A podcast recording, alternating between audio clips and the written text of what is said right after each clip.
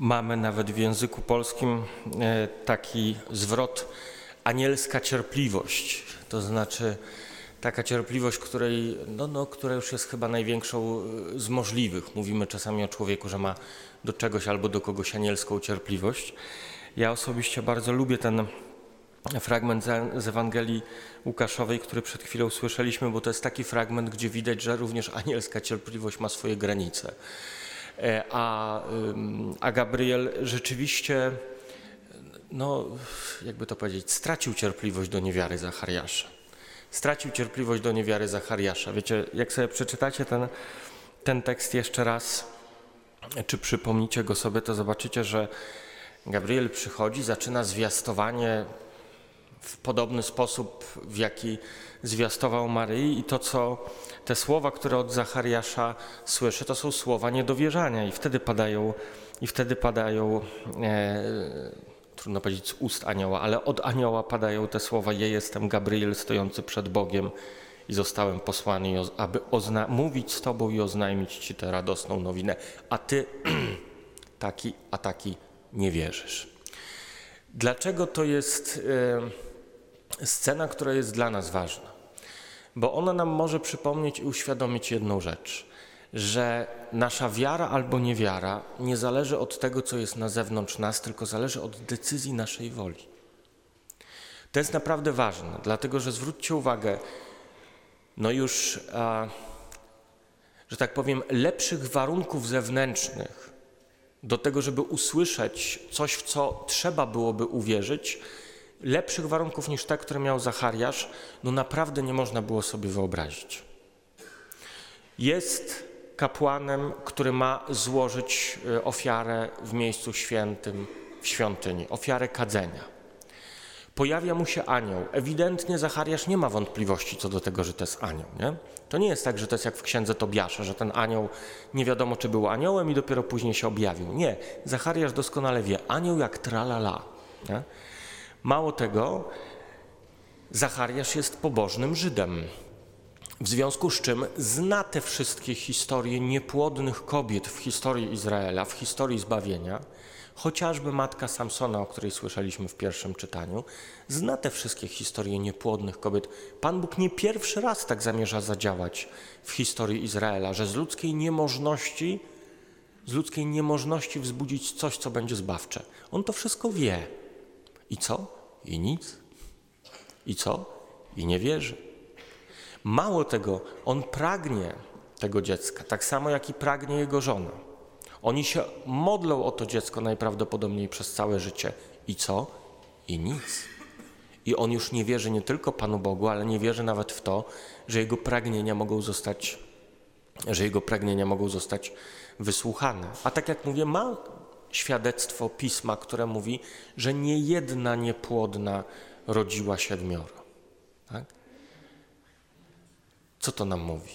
To troszkę odczarowuje takie nasze myślenie, że naszej wierze szkodzi albo pomaga to, co na zewnątrz, jakoś tak strasznie. Jakoś wpływa to na naszą wiarę, to, co jest na zewnątrz nas. Ale wiara jest aktem woli i na zewnątrz może nam wszystko ku tej wierze pomagać, a my powiemy nie. I odwrotnie. Może być tak, że na zewnątrz będzie dużo rzeczy, które nam będą w wierze przeszkadzały, a my będziemy w sobie mieli na tyle siły, żeby powiedzieć tak. Nie pokładajmy nadziei na naszą wiarę w tym, co zewnętrzne. To bardzo dobrze widać w Ewangelii. Jak zobaczymy wiele tych sytuacji, kiedy ktoś Pana Jezusa prosi o znak albo o dowód, że jest Synem Bożym, to zwykle się to dokonuje po tym, jak Pan Jezus zrobił coś niezwykłego i cudownego. To bardzo dobrze widać na przykład apostołowie, tak zwane drugie rozmnożenie chleba. To jest Ewangelia Mateusza, możecie to sobie sprawdzić. Jest taki moment, kiedy Pan Jezus odchodzi na górę, tłum, który go wcześniej słuchał, znowu do niego przychodzi. Pan Jezus naucza, uzdrawia. Podkreślone jest, że uzdrawia chorych, których mu przynieśli. I znowu jest ten problem, że tłum jest głodny. I znowu jest tak, że apostołowie, że Pan Jezus pyta apostołów, co zrobić. Przecież do miasta jest daleko. A apostołowie mówią, no nic, no, no musimy ich rozesłać, bo e, no bo będą głodni. I nie byłoby nic w tym dziwnego w takiej reakcji, gdyby nie to, że to jest moment drugiego rozmnożenia chleba, ciutkę wcześniej. Pan Jezus pięć chlebów i dwie ryby rozmnożył tak, że wszyscy się najedli do sytości. Zostało dwanaście koszy pełnych ułomków. Apostołowie to widzieli przed momentem. Przed momentem widzieli te wszystkie uzdrowienia. Przed momentem widzieli te wszystkie cuda, które dokonały się w Kafarnaum. I co? I nic. Nie? I nic. Wiara nie pochodzi z zewnątrz.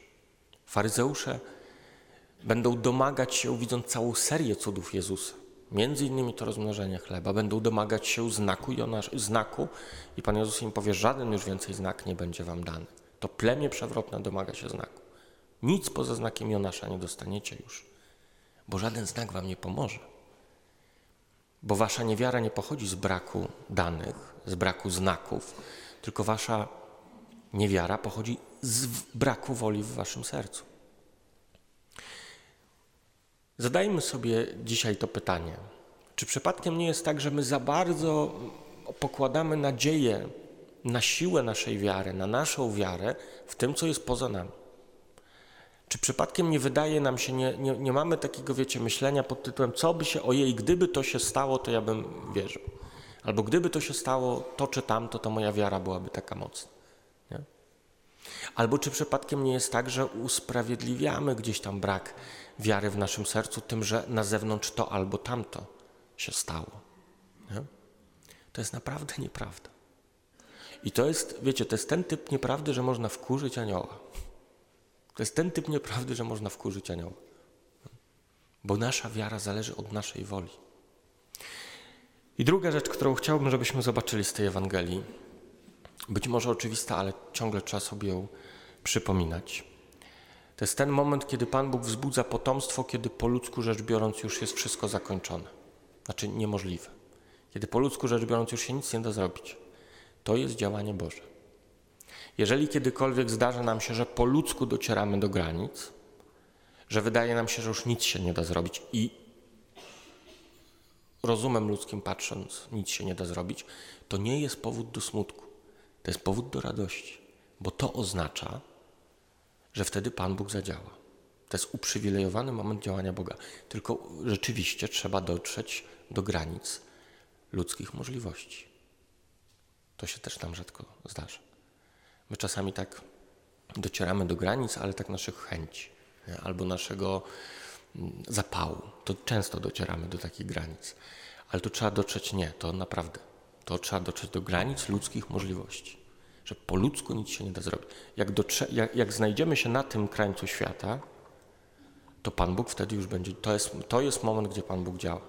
Tylko no, trzeba tam dojść. Nie? I tak jak mówię, to nie chodzi o granice naszych chęci, nie chodzi o granice naszego zapału, nie chodzi o granice naszych emocji.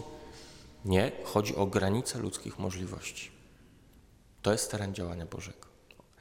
Prośmy dzisiaj właśnie o te dwie rzeczy. O wolę wiary o wolę wiary w nas. I jednocześnie o to, abyśmy kiedyś w życiu doszli do granic ludzkich możliwości. Żebyśmy kiedyś w życiu zwiedzili ten teren świata, który jest, grani, który jest terenem granicznym dla ludzkiej, dla ludzkiej e, natury. Bo tam będzie działał Pan Bóg.